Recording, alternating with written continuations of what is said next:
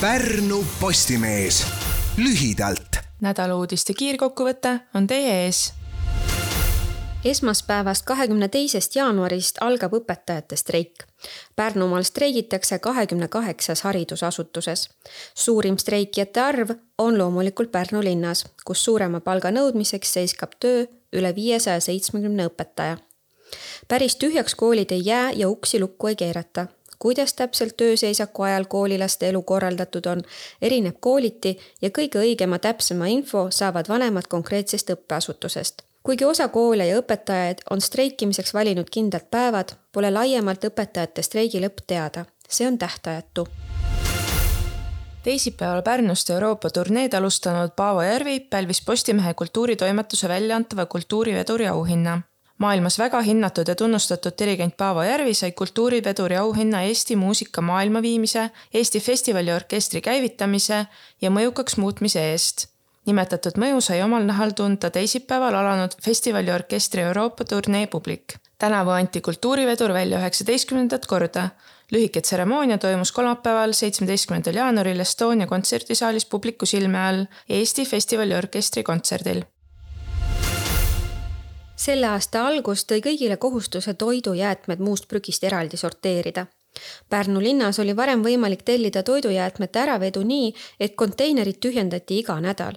see tundus väiksemates majapidamistes ebamõistlik, nädalaga lihtsalt ei saa konteiner täis nüüd tehti muudatus ja külmal ajal ehk oktoobrist märtsi lõpuni saab tühjenduse tellida ka kord nelja nädala jooksul. toidujäätmeid võib ka kompostida, kuid sellest peab siis teavitama omavalitsust Pärnu klubi Taigo Baueri esindajad näitasid Käärikul Eesti noorte juunioride ja seenioride meistrivõistlustel klassikalises jõutõstmises suurepäraseid tulemusi. noored tõid kamaluga medaleid ja püstitasid kuus Maarjamaa tippmarki. klubi eestvedaja ja kõige nimekam sportlane Reinhard Rebane seekord ei võistelnud, vaid debüteeris treenerina ja saatis võistlust tulla viisteist jõutõstjat, seejuures oma venna ja isa. kaks Eesti tippmarki sai oma nimele Carolin Rohtla tema kogusumma nelisada kakskümmend kaks koma viis kilo tähistas riigi juunioride rekordit ja KÜK-i resultaat sada seitsekümmend seitse koma viis kilo avatud klassi tipptulemust. Marii-Lisette Tiismaa püstitas lamades surumises Eesti noorterekordi, kui punnitas sirgetele kätele kuuskümmend seitse koma viis kilogrammi. kükkimisega saavutasid oma kaalu ja vanuse kategooriates tippmargi Kaarel Võsur kahesaja viiekümne viie kiloga Felix Osolins saja üheksakümne koma viie kiloga ja Henrik Högström kahesaja neljakümne viie koma viie kiloga. klubide arvestuses tuli Taigo Bauer juunioride klassi võitjaks ja pälvis noorte seas teise koha.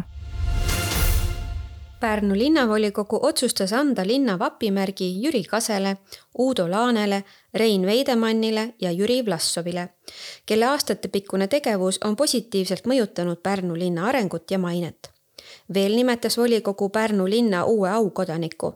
see on kirglik raamatu ja ajaloohuviline Olav Esna. Esna on kaheksas Pärnu linna aukodanik.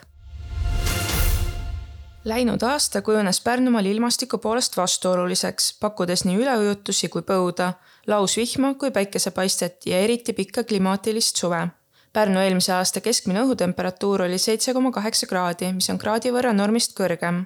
iseäranis soe oli september, sest kuu keskmine õhutemperatuur ulatus siis kuueteist koma kahe kraadini, mis on kolm koma seitse pügalat normist soojem. pikas vaatlusreas, alates tuhande kaheksasaja neljakümne teisest aastast, ei ole september nii soe veel olnud. päikest paistis aasta jooksul kaks tuhat viiskümmend üks tundi, tugevaim tuuleiil oli kakskümmend neli koma kaheksa meetrit sekundis eelmise aasta kõrgeim temperatuur mõõdeti just suve pealinnas, see oli seitsmendal augustil ja pluss kolmkümmend kolm koma üks kraadi uudised võtsid kokku Grete-Liisa Sihver ja Siiri Erala Pärnu Postimehest. uudiseid saate pikemalt lugeda meie veebis. Pärnu Postimees lühidalt